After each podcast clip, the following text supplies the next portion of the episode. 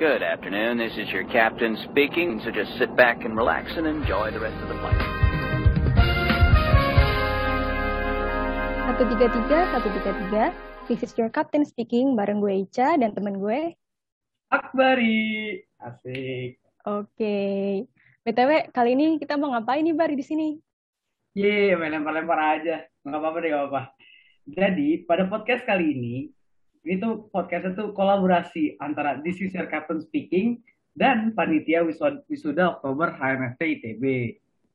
Nah, benar banget tuh. Podcast ini merupakan podcast episode kedua dari kolaborasi kita. Jadi, buat yang belum dengar podcast episode pertamanya, sabi banget cari di bawah. Bener banget tuh, Ca. Jadi, di episode 2 ini kita bakal bahas per KP-KPA nih, Ca. Nah, tapi berhubung kita baru semester 3 nih, Bar, jadi nggak mungkin dong kalau kita ngomongin perkapean sendiri. Makanya kita udah kedatangan nih dua kapten yang bakal nemenin kita bahas perkapean. Boleh langsung disapa nih Bar, bintang tamu kita. Boleh banget tuh. Halo Kak, selamat datang Kak Indira, Kak Rio. Apa kabar nih Kak? Halo. Hello, hello. Baik, baik. I am fine. Baik. Nah, boleh nih Kak, kenalan dulu. Indira duluan. Ya udah deh. Halo, kenalin aku Indira dari Teknik Fisika 2017. Halo semua, perkenalkan aku Rio Aresa Susmono, sama juga dari Teknik Fisika 2017. Oke. Dan mumpung di sini ada Kak Indira sama Kak Rio, eh, gue mau nanya duluan boleh kali ya, Bar? Oke. Eh, Dengar-dengar nih Kak, Kak Indira sama Kak Rio nih KP di dua tempat sekaligus ya Kak. Benar nggak sih Kak? Terus boleh diceritain nggak Kak? Eh, KP-nya tuh di mana? Terus kenapa milih di tempat itu? Dan yang paling penting, kok bisa sih mutusin untuk KP di dua tempat sekaligus? Mungkin boleh dari Kak Indira dulu nih. Hmm, sebenarnya kalau aku KP-nya nggak di dua tempat sekaligus. Aku Dia di dua tempat, sekaligus, tapi tapi nggak sekaligus. Nah, biar biar masuk nih ke yang sekaligus kayak Rio dulu aja nggak. Ntar baru aku ceritain yang punya aku. Oke, ak- jadi aku melakukan KP di dua tempat sekaligus. Yaitu pertama adalah kerja KP atau kerja praktek. Yang satu itu adalah di lab ICODES atau Instrumentation Control dan Decision System di Teknik Fisika ITB tersendiri dengan bimbingan Pak Yul Yunaswin. Dan satu lagi aku melakukan KP itu di eh, Pertamina Hulu Energi ONWJ atau eh, Offshore Northwest Java yang ya Pertamina lah intinya begitu. Itu sekaligus dua sekaligus. Eh, mungkin Indira juga mau cerita mungkin di mana KP-nya sekalian. Oh, kalau Kenapa aku lanjut? aku pertama itu aku KP pas eh, dari semester pas liburan semester 5 ke semester 6. Jadi Desember 2019 sampai hmm, Januari 2020. Terus KP ku yang kedua itu pas yang waktunya KP. Jadi eh, pas Ja- Juni 2020 sampai Agustus 2020. Nah, yang kedua itu aku yang pertama tuh aku KP-nya di Pertamina Palembang. Yang kedua aku KP-nya di Telkom. Gitu. Sama alasannya paling ya. Tadi tanyain kenapa gitu gak sih? Iya Kak.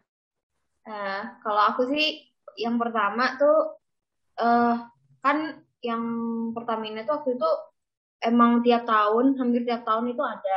Terus hampir hampir tiap tahun tuh ada. Terus waktu itu ditawarin gitu kan.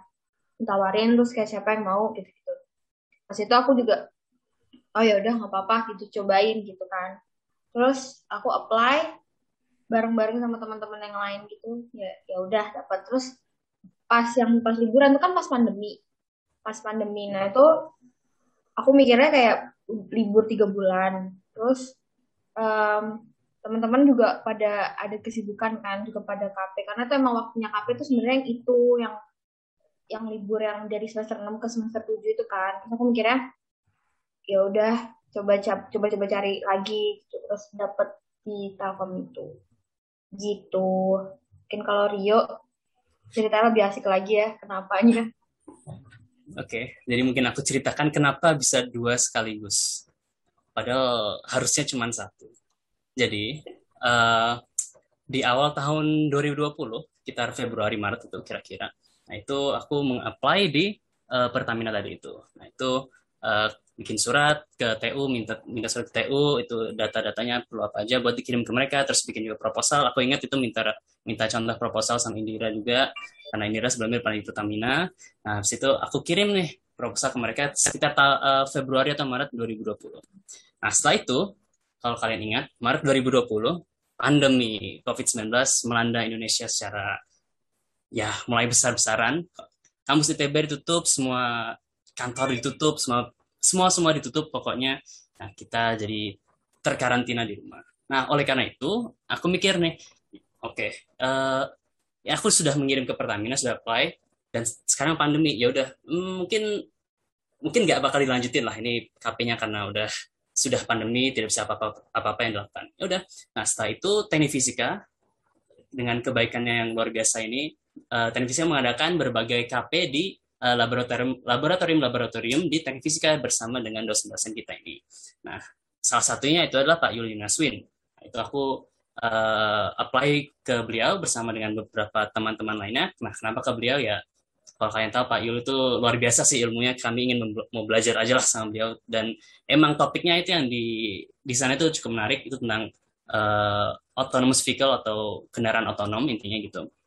Nah, Nah ya udah tuh itu dari bulan ya pokoknya itu selama sebulan selama dua bulan itu aku kerja apa kerja praktik di situ itu pekerjaannya kurang lebih adalah uh, melakukan riset tentang uh, sistem persepsi uh, kamera untuk sebuah mobil otonom kurang lebih gitu. Nah itu satu bulan kemudian ke dalam uh, KP ini aku dihubungin nih sama Pertamina di email. Halo, ini kamu diterima ini tolong nanti join ya ini ada meeting ini ini ini buat pembukaan tolong terus aku pikir hmm oke okay. ternyata mereka masih mau melanjutin ya udah terus aku aku balas ke mereka uh, ya terima kasih udah mau menerima dan bla bla bla bla. Tapi aku sudah menerima sebuah kerja praktek lain di ini gitu kan ya di KP di teknik fisika.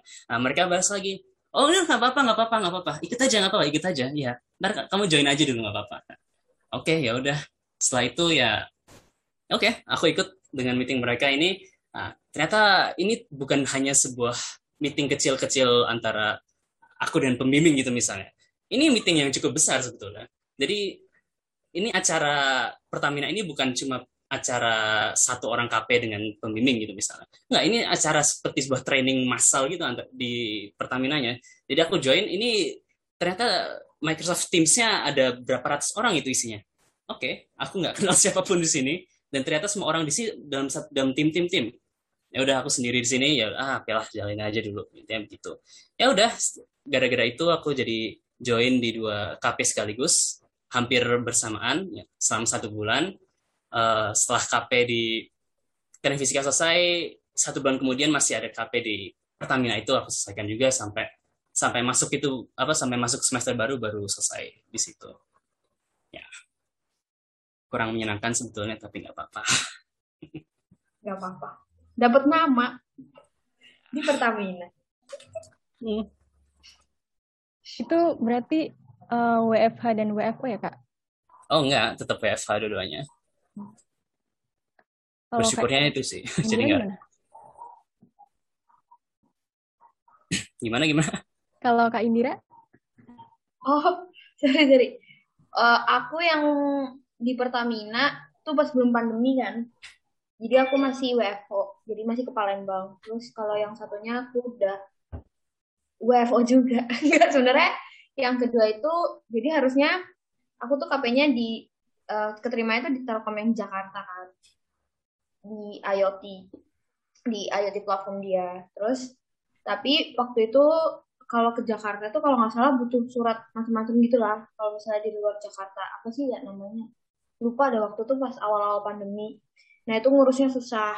Terus dulu tuh harus ada tes covid dan lain-lain gitu kan. Nah pada saat itu uh, akses buat kita tes aja kan susah kan? Jadi susah gitu kalau misalnya mau uh, masuk ke Jakarta. Sedangkan kalau uh, ke Bandung itu lebih lebih gampang gitu. Cuman harus naik kereta. Terus nggak harus ngurus surat itu. Cuman ya butuh tes juga. Cuman nggak butuh yang surat yang macam-macam itu kan. Terus kalau di Bandung juga udah ada akomodasinya, maksudnya udah ada kos dan lain-lain kan. Akhirnya aku sama dua temanku yang lain, kita bertiga KP-nya tetap sama Telkom yang uh, Jakarta, cuman uh, pem maksudnya pembimbingnya, terus kayak bosnya kayak gitu-gitu loh. Kayak kita bertanggung jawab tetap sama yang Telkom yang Jakarta. Cuman kita pakai fasilitas Telkom yang Bandung. Itu. Jadi kita pakai kantornya di Bandung dan itu uh, seminggu ke kantor tuh tiga sampai dua sampai empat kali lah seminggu. Dan ya udah ngerjain. Tapi proyeknya tetap proyek yang dari mereka yang dari mana yang dari Jakarta. Jadi kita ya meeting gitu online meeting. Kalau misalnya mau lagi progress report apa apa cuman ngerjainnya sih tetap ke tempatnya ke Telkom Bandungnya. Karena juga ada at, apa attendance apa sih namanya ya daftar hadir gitulah. Oh lu datang enggak hari ini kayak gitu, gitu sih kalau aku oke okay. emang keren banget nih Karyo sama Kak Indira jadi termotivasi nggak sih Bar? Katanya lu mau ambil tiga KP sekaligus ya Bar? Gak, gak, gak, gak, gak ada, gak ada, gak ada. Cuman ini sih yang perlu perlu dicontoh tuh gabut liburan tuh kafe nggak main-main kafe langsung dua sekaligus Bener. produktif banget gabutnya gila deh emang emang anak TF emang nggak emang nggak kalah deh anyway lanjut nih kak mau nanya sih waktu kafe tuh ngapain aja terus chaosnya tuh gimana sih chaosnya dua dua kafe gitu ada yang sekaligus dan uh, ada yang gak sekaligus cuma tetap dua KP yang harusnya cuma satu. Mungkin boleh deh dari Karyo dulu. Oke, jadi KP yang aku lakukan ini aku coba jelasin dulu yang di uh, lab iCodes ya. Nah, jadi yang seperti aku sebutin sebelumnya, kita uh, kami melakukan riset mengenai uh, sistem persepsi visual sebuah mobil otonom, kurang lebih begitu. Nah, itu jadi kurang lebih kita uh, melakukan yang namanya object tracking. Object tracking itu atau melacak suatu objek dari kamera sebuah mobil otonom gitu misalnya. Jadi ada kamera dapat dia melihat berbagai objek-objek yang dia, lihat, dia ambil objek-objeknya itu apa, terus kita lihat di antara frame-frame itu apakah objek yang ada di frame satu sama dengan frame kedua dan seterusnya. Kalau itu sama maka itu adalah objek yang sama dan kalau tidak ya berarti sebaliknya. Nah itu kami menggunakan ini agak lebih teknis mungkin kami menggunakan uh, pertama OpenCV itu buat mencari uh, objek-objeknya. Nah, setelah itu kami menggunakan sebuah algoritma yang namanya ORB. Nah, itu ORB ini adalah sebuah algoritma yang digunakan untuk melakukan matching-matching antara objek yang ada di suatu gambar gitu misalnya. Nah, itu yang kami lakukan kurang. Nah, itu selama satu bulan pertama mungkin kami melakukan itu. Kami coba uh, studi literatur lah, apa apa metode-metode yang paling baik itu pakai kayak gimana. Terus dicoba di testing itu kami kan ada beberapa sampel yang bisa digunakan itu dites hasilnya akurasinya gimana. Nah, itu kami simpulkan bahwa akurasi masih agak kurang nih. Nah, setelah itu kami masuk ke machine learning. Nah, machine learning yang kami coba itu ada dua, itu adalah uh, eh, CNN dan SVM. Kami coba dua-duanya. Nah, itu kami tes nih. CNN kayak gimana hasilnya dan SVM gimana hasilnya. Dari hasil yang kita dapat dari matching-matching sebelumnya sebutin tadi itu, kita masukin ke machine learning. Nah, kita lihat di machine learning ini hasilnya lebih baik yang mana? Nah, ternyata yang SVM-nya lebih baik hasilnya. Habis itu kita lanjut nih pakai SVM, kita otak-atik lagi SVM-nya makin baik, makin baik, makin baik. Akhirnya kita, kita berhasil tuh dapat akurasi kira-kira 96% tuh. Jadi ya itu udah lumayan keren juga. Nah, habis itu kita disuruh nulis paper sama Pak Yul. disuruh nulis paper sama Pak Yul, akhirnya uh, kami kemarin ikut konferensi di ICA ITB 2021. Nah, itu seluruh hampir keseluruhan KP aku di Lab Icodes. Nah, satu lagi di, di Pertamina Nah, kalau di Pertamina, teknik fisika itu kurang lebih pekerjaannya ada di bagian instrumentasi dan kontrolnya. Kalau setidaknya buat bagian aku kemarin ya. Nah, instrumentasi dan kontrolnya. Nah, jadi hal pertama yang diberikan kepada aku ketika uh, bergabung dengan Pertamina ini adalah 50 sheet PNID. Nah, kalau kalian nggak tahu PNID itu apa, ya ini intinya adalah diagram yang isinya uh, berbagai uh, peralatan peralatan yang ada di sebuah plan itu. Jadi kayak ada boiler lah, ada separator dengan berbagai alat-alat ukurnya, posisinya di mana. Ya itu isinya sheet A, A2 mungkin besar pokoknya itu isinya rumit sekali banyak garisnya banyak tulisan-tulisan sana sini dan itu aku harus pelajari dalam waktu sekaligus dengan mempelajari machine learning jadi cukup ya tidak mengenakan. Nah setelah itu aku diberi cukup paham lah dengan 50 sheet ini.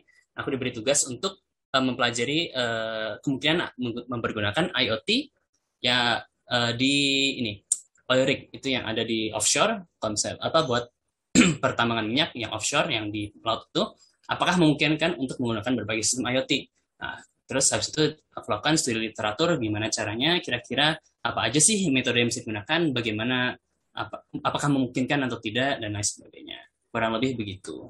Uh, nah seandainya tidak WFH mungkin aku pada saat itu dikirim ke tengah laut dan nggak tahu apa ngapain di sana. Ya kurang lebih seperti itu pekerjaan di sana emang Bukan berat ya nyata kafe semangat Rio. Eh udah kelar ya? udah selesai kok udah selesai. Gak semangat ya kalau udah kelar. Aku sudah senang kan kerja di situ lagi Rio. Hmm. Ya, ya hmm. hmm. lihat aja nanti hmm. uh, kalau aku aku cerita dulu. Ini tadi pertanyaannya ngapain aja gitu? Gimana sih? Ya ceritain gitu kan. Coba kak. Uh, ya kan ya? Oke. Okay. jadi aku paling ceritain yang pertama dulu. Jadi yang hmm, yang di Pertamina itu aku beda sih sama Rio. Jadi sebenarnya bisa bisa. Cuman waktu itu kan aku baru semester lima. Jadi kayak baru kelas semester lima sebenarnya. Uh, banyak sebenarnya matkul-matkul yang kayak pas pas KP itu ditawarin gitu sih sama pembimbingnya mau ngerjain yang kayak gini kayak gini enggak gitu. Tapi kayak kita belum ada belum ada gitu loh ilmunya. Kayak kita bahkan KO baru semester 6 kan itu kayak PNID apa itu kan semester 6 waktu itu. Terus waktu itu aku baru kelas semester 5 jadi sebenarnya aku masih ada juga sih data tadi baru ngintip uh, pas di Pertamina itu aku kan cuma sebulan. Karena itu pas liburannya emang emang liburan akhir tahun kan emang bentar ya bulan doang. Yang pertama pas pas datang itu kita kayak dikeliling gitu keliling ke masing-masing unitnya gitu. Kan di uh, apa sih namanya di site-nya gitu kan. Nah itu tuh masuknya apanya itu kan kita juga ada ada seragam sendiri kan kayak APD-nya gitu. Harus harus pakai helm harus pakai boots gitu-gitu. Nah itu juga dikasih sama pihak Pertamina-nya. Terus kalau di Pertamina tuh sebelum kita bisa masuk itu kita pertama harus ngurus ngurus kartu gitu kayak ngurus kartu kayak KTM gitulah buat buat masuknya buat buat keluar masuk yang di sananya buat izin masuknya gitu. Terus habis itu masuk ketemu HR-nya, terus dikasih pakaiannya, kasih APD-nya, terus habis itu uh, mas uh, ke ketemulah sama pembimbingnya gitu. Kebetulan kalau aku sama sih sama kayak Rio, aku di tempat ini di electrical instrumentation-nya. Electrical instrumentation tuh masuknya di uh, maintenance planning and support ya maintenance planning and support di electrical sama instrumentation Nah itu kita kayak dikelilingin gitu. Di aku udah agak lupa juga sih kayak keliling beberapa unit. Karena kita harus nentuin kan kira-kira yang uh, kita mau ngerjain apa gitu, yang mau dibahas tuh apa gitu. Dan waktunya cuma cuma sebentar kan. Gak, gak mungkin yang ribet-ribet banget. Juga kalau misalnya biasa aja juga buat apa kayak gitu. Kalau nggak salah waktu itu uh, ada yang terkait sama apa ya kayak flow gitulah kayaknya metering metering ya metering terus waktu itu aku akhirnya setelah kayak keliling ke muter-muter gitulah dan sama menyesuaikan sama yang kita udah dapet tuh apa maksudnya yang kita udah paham itu apa akhirnya aku tuh ngambilnya tentang uh, analisis loading effect yang berupa frekuensi shifting gitu di gas di generator. Jadi dapat seputar itu. Itu juga uh, juga dari kayak oh, dari yang dikeliling itu kayak kita survei langsung ke tempatnya kita lihat terus kayak kemungkinannya apa aja. Terus habis itu sama ya studi literatur. Tetap harus studi literatur. Baru uh, setelah seminggu dua minggu seminggu malah seminggu terus kita langsung nentuin kan oh kita mau ngerjain ini. Terus kita habis itu langsung ditempatin di unit itu jadi kayak tiap tiap hari tuh di situ. Tiap hari di situ. Terus seru sih sebenarnya mungkin uh, karena WFO ya jadi uh, pas itu kayak kerasanya seru banget sih. Soalnya banyak orang kan di tempat yang menurut aku juga cukup uh, cukup baru kan. Aku juga biasanya cuma di Jawa doang biasanya kayak kerja jauh. Terus um, waktu itu uh, kalau dari KP-nya sih itu itu. Terus ke kebetulan uh, dari pembimbingnya juga enak banget. Bahkan kayak sampai sekarang mungkin kalau misalnya masih kontak itu juga masih enak. Ngobrolnya apanya baik gitu. Terus udah selesai kan sebulan. Sebulan tuh juga balik ke Bandung itu udah lebih gitu. Jadi kayak anak-anak udah pada kuliah satu minggu kita tuh masih masih di Palembang gitu. Jadi balik tuh udah telat satu minggu nggak nggak ikut kuliah.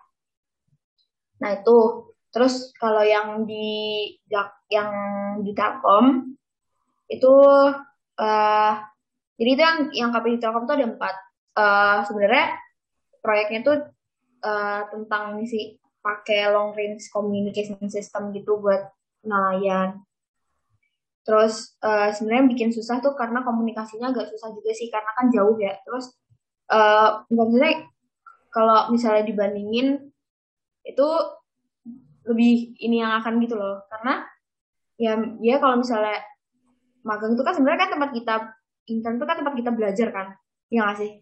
Intern itu tempat kita belajar, magang itu tempat kita belajar gitu salah satunya belajar dari orang lain gitu orang lain yang lebih profesional yang di yang jauh lebih berpengalaman nah kalau di di Bandung sebenarnya bisa juga nanya cuman kan kita posisinya di, diterima magangnya itu sama yang di Jakarta gitu kan jadi pas di Bandung juga agak-agak tanggung gitu terus kalau misalnya mau komunikasi sama pembimbing Jakarta juga harus online kayak gitu jadi agak lebih ini sih ya susahnya di situ sama um, waktu itu pas pandeminya kayak sistem WFO-nya kan kayak buka tutup buka tutup gitu loh. Jadi kayak kalau misalnya ada kasus langsung kayak tutup. Kayak gitu-gitu terus. Jadi kayak kadang masuk, kadang enggak. Uh, paling gitu aja sih. Uh, iya, paling itu sih ceritanya. Jadi menarik banget sih. Jadi penasaran jadi pengen cepet-cepet kafe nggak sih, Cak? Bener, penasaran banget nggak sih? Uh, tapi kak aku juga kepo nih dari pengalaman KPKK ada nggak sih yang berkesan gitu dan boleh diceritain suka dukanya nggak kak? Mungkin dari kak Indira dulu. Hmm, suka dukanya. Hmm, Rio dulu deh kayak. Ada nggak? Udah udah tahu deh suka dukanya apa.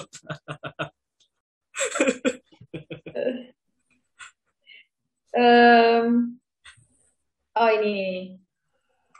Jadi sebenarnya kalau untuk dukanya dulu palingnya sukanya jadi sebenarnya pas hmm, pas aku mau gak, gak duka juga sih cuman kayak cerita aja lah ya maksudnya kayak cerita di balik KP-KP ini yang di luar KP-nya waktu ini sih susahnya itu tadi jadi kayak aku tuh ada aku di, di satu sisi aku WFO kan jadi ada di kantor yang di Bandung gitu. Cuman aku nggak seberapa kenal gitu orang-orang situ karena aku yang yang nerima aku sebagai anak magang tuh bukan yang di Bandung gitu. Jadi buat komunikasi sama uh, mas-mas yang di sana kayak uh, apa karyawan Telkom yang di sana, engineer-engineernya tuh agak uh, kadang agak canggung gitu lah. Kalau misalnya sama bimbing sendiri kan emang udah enak kayak itu. Terus kalau sukanya sebenarnya lumayan banyak sih karena banyak hal-hal lucu karena kebetulan yang pasti Palembang juga nggak sendiri kan kayak berlima. Terus Hmm, jadi kayak oh waktu itu waktu di Palembang tuh aku kebetulan nggak bisa nggak bisa makan pedas. Jadi pas di Palembang kita tuh ada nginep gitu di tempat Ilham. Di tempat Ilham itu kebetulan anak TF 2017 yang rumahnya di Palembang. Nah, ibunya itu punya pokoknya di rumah Ilham tuh selalu makan gitu. Tapi tiap makanannya tuh pedas. Ngerti ini makanan Padang. Tiap makanan itu pedes dan aku nggak bisa pedes. Jadi ngerti gak sih? Gimana susahnya gitu? Itu susah. di sisi lain makanannya tuh enak gitu kayak kelihatannya tuh enak gitu ayam daging terus kayak pempek juga enak kan pempek terus tapi semua tuh pedas. Jadi kayak apa apa tuh aku bawa kecap. Bahkan kalau misalnya lagi di kalau misalnya pas pas lagi KP-nya misalnya masuk ke site-nya misalnya ke kilangnya. Itu tuh eh nggak boleh bawa kan boleh kalau misalnya boleh bawa makanan tuh boleh kayak bawa botol gitu. Nah biasanya Ilham tuh baik banget. Ibunya selalu bawain makanan nah ibunya bawa makanan aku bawa apa? Aku bawa kecap. Jadi awal-awal tuh aku nggak nggak bawa kecap. Aku nggak ngerti kan kalau apa namanya ya udah gitu. Terus akhirnya akhirnya aku tuh minta kecap. Jadi kayak aku sering minta kecap itu ke ke ke kantor ke kantornya. Kan ada kecap kan. Minta ke ibunya ke ibu yang yang jaga di kantor itu. Kan juga ada yang jaga. Terus aku bilang kayak bu saya minta kok kecapnya gitu. Pas udah sampai di hari terakhir kecapnya habis dong bisa kecapnya habis. Akhirnya akhirnya pas udah mau habis aku langsung kayak aku dulu aku beli kecap dua terus yang satu aku kasih di situ yang satu aku bawa. Jadi aku tiap ah enggak jadi dua-duanya aku titipin di situ. Karena kan nggak nggak boleh bawa bawa yang lain-lain kan kayak HP laptop gitu nggak boleh. Cuman boleh bawa kak dokumen tuh boleh kayak kertas gitu. Tapi harus pakai tas yang kayak transparan gitu dari luar. Terus sih kayak gitu. Kalau makanan boleh gitu terus ya udah jadi kayak waktu itu abis jadi aku agak gak enak juga sih. Terus aku panik gitu kan. Terus abisnya tuh pas di kalau misalnya ini abis aku makan ada orang mau makan terus kecap abis gimana gitu kan. Terus ya udah. Dah itu. Itu pas yang di kantornya. Terus pas sebenarnya cari makannya juga jadinya susah gitu.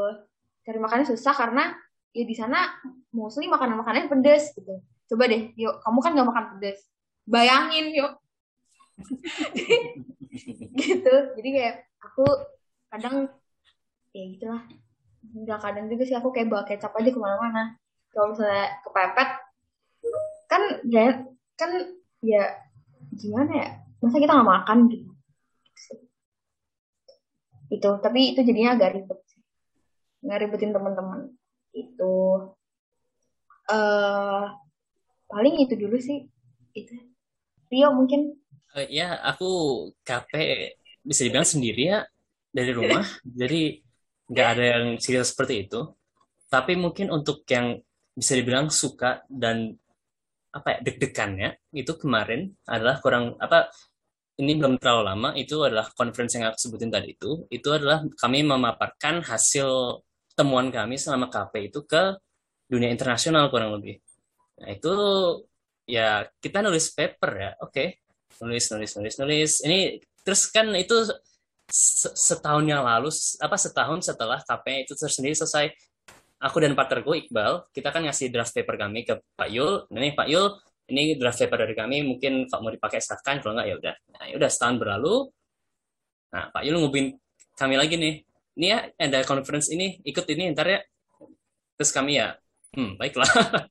Oke kita ada TA ada seminar apa ada kolokium buat TA dan ada ini juga nih. Hmm, Oke, okay. beberapa minggu ini kita bakal deg-degan terus kayaknya. apa-apa. Ya udah hari beberapa apa ya mungkin seminggu sebelum hari conference-nya itu tersendiri ya deg-degan tuh ada terus setiap hari lah. Dan Jamin berapa Jamin 6 conference tuh udah nggak bisa selesai deg-degan lah itu nggak bisa ngapain buat menenangkan diri intinya pokoknya. Nah, setelah itu, wah, leganya luar biasa sih. Dan cukup bangga sih kami udah berhasil melakukan conference internasional dengan umur Keren. yang masih cukup muda ini. Nah, itu untuk yang dari KP dengan Pak Yo yang di Ecodes. Nah, untuk yang dari Pertamina itu, aku bisa bilang yang agak menarik, ya itu tadi itu, yang PNID 50 sheet itu. Nah, kalau teman-teman tahu, itu kita di sebelumnya itu adalah ikut lab instrumentasi dan kontrol. Nah, di lab instrumentasi dan kontrol ini kita diajari cara membaca PNID tersebut. Nah, ini dosennya itu Pak Endra. Nah, di sama dosen kita ini kita disuruhnya adalah membuat video penjelasan mengenai uh, PNID tersebut. Apa beberapa PNID yang kita temui lah pokoknya. Aku berpikir dengan partnerku waktu itu kita beberapa kali bikin video udah beberapa shoot ini salah mulu salah mulu salah mulu disuruh bikin apa kita bikin ulang bikin ulang bikin ulang. Kita mikir kita ngapain sih kayak gini? Kita ngapain sih kayak gini? Dan pada akhirnya setelah dipikir-pikir aku ikut KP di Pertamina itu ternyata kepake juga ilmunya. Ini PNID aku bisa baca ternyata. Ini itu apaan sih? Ini apaan sih? Jadi ya pada akhirnya aku berterima kasih juga dengan proyek yang agak nggak jelas itu bikin video beberapa kali untuk menjelaskan sebuah PNID itu pokoknya. Ya menarik lah. Ya 50 sheet juga tetap capek sih bikin kayak gitu cuman ya nggak apa-apa lah ya. Hmm, aku mau nambahin sih. Tapi itu bener sih yang dibilang Rio waktu aku di Pertamina juga kayak sempat disodorin gitu kayak PNID cuman uh, dan kayak banyak hal yang waktu itu kayak bisa gitu sebenarnya buat dikerjain. Cuman waktu itu emang uh, kita tuh belum sampai situ gitu belajarnya kan maksudnya ya lab IKA terus kayak KO baru dapetnya semester 6 gitu. Terus kayak waktu itu uh, tapi itu bener sih. Maksudnya yang maksudnya bener-bener gitu ya kita pelajarin tuh kepake gitu. Ya meskipun yang kayak dibilang sama Rio berkali berkali berkali berkali tapi ya emang emang harus kayak gitu gitu. Oh, sama aku tadi mau nambahin. Jadi waktu itu kalau ini ini ini beda banget dah penjelasan aku sama Rio. Aku cerita lucunya aja ya jadi waktu itu aku pernah uh, bikin laporan kan. Jadi kalau di Pertamina tuh seingat seingat aku kayak semuanya deh. Yang di Pertamina itu dalam sebulan itu selain kita kayak nentuin topiknya apa terus kayak ngelakuin dilakuin risetnya itu harus sudah jadi laporannya dalam waktu sebulan itu kan. Nah terus uh, adalah waktu di mana kita kayak progress report gitulah ke apa namanya ke pembimbingnya. Nah balik lagi kan nggak boleh bawa HP ya kan? Kan nggak boleh bawa HP jadinya dikirimnya itu pas uh, pagi kan filenya filenya kayak, kayak laporannya. Nah kita kan ngerjainnya waktu itu bertiga laporannya. Terus uh, ada aku Gulam sama Reski. Eh, ini nggak tahu sih. Itu anggap saja itu nggak tahu nama samaran atau bukan ya kalau ternyata yang setelah ini aku cerita agak malu-maluin terus abis itu dikirim kan. Tapi kita tuh lupa. Kalau di dokumen itu tuh ada komen. Jadi kayak kayak oh ini masih kurang ini gitu. Kayak dari kitanya gitu. Buat kan ngerjainnya kan sendiri-sendiri gitu kan. Ya biasalah. Maksudnya kayak Google Docs. Eh bukan Google Docs. Ya yeah, gitulah pokoknya. Pakai bareng-bareng gitu. Terus ada komennya gitu. Terus ada kata kotornya ngerti gak sih? Jadi kayak maaf ya biasalah mahasiswa gitu ngerti kan? Ini mohon maaf maksudnya kata kotor ya gitu. Terus kotor banget. Terus maksudnya bias apa ya lucu ya lucu aja gitu kan. Terus tiba-tiba terus kita mikirnya kayak ya udah gitu kan itu kan udah di PDF-in gitu. Nah yang ternyata sama temen aku yang nge PDF-in dicek lagi. Ternyata di PDF itu masih ada komennya.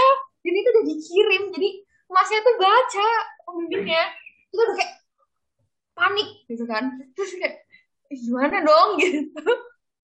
Dan itu dan itu tuh kayak gak cuma satu gitu ada beberapa gitu tapi untungnya laporannya tuh lumayan isinya. Jadi kayak meskipun kayak kita diketawain maksudnya tapi kita nggak nggak dimarahin gitu. Maksudnya isinya lumayan gitu ada isinya. Dan kepake gitu buat mereka. Kita kayak ngusulin sesuatu gitu kan. Oh ya terus tapi tetap aja malu. Untungnya kita sama pembimbing kita tuh udah udah temen lah. Maksudnya kayak udah emang udah akrab gitu, gitu. tapi ya ya jadi pesannya ya. Kalau kalau kalian kirim tolong dicek lagi ya videonya. Dan itu kita nggak bisa kan kayak kita unsend gitu. Ngerti gak sih? Kan nggak nggak ada HP-nya mohon maaf. HP-nya nggak ada jadi kayak udah dikirim ke WA terus pas udah di dalam dibaca gitu kan. Terus pas sebenarnya terus pas udah kelar ya enggak dah ya udah yang itu nggak usah diceritain. Ya. oke dengar cerita dari Karyo sama Kak Indira nih. Seru banget nggak sih Bar? Seru banget. Dan bukan seru aja tapi emang bener-bener insightful banget sih ceritanya tapi saya banget nih Ca sayang kenapa tuh Bar sayang banget soalnya pertanyaan yang terakhir itu merupakan penutup dari podcast kali ini. Ya benar, sayang banget nih. Tapi ya udah deh, kalau gitu uh, aku sama panitia besok Toh MFT ITB 2021 berterima kasih banget nih sama Kak Indira dan Kak Rio udah mau jadi narasumber di podcast kita kali ini. Betul banget, makasih banget Kak. Sama-sama. Mungkin kalau gitu kita gimmick podcast dulu kali kita. Boleh, Bar, kasih tahu. Wah, Bisa Coach enjoy. Jaya, jaya, jaya. Oke, kalau gitu gue sama Akbari pamit undur diri dulu. Dan jangan lupa juga buat dengerin podcast episode ketiga. 133, 133, this is your captain signing out. Bye-bye. Bye-bye. Bye-bye.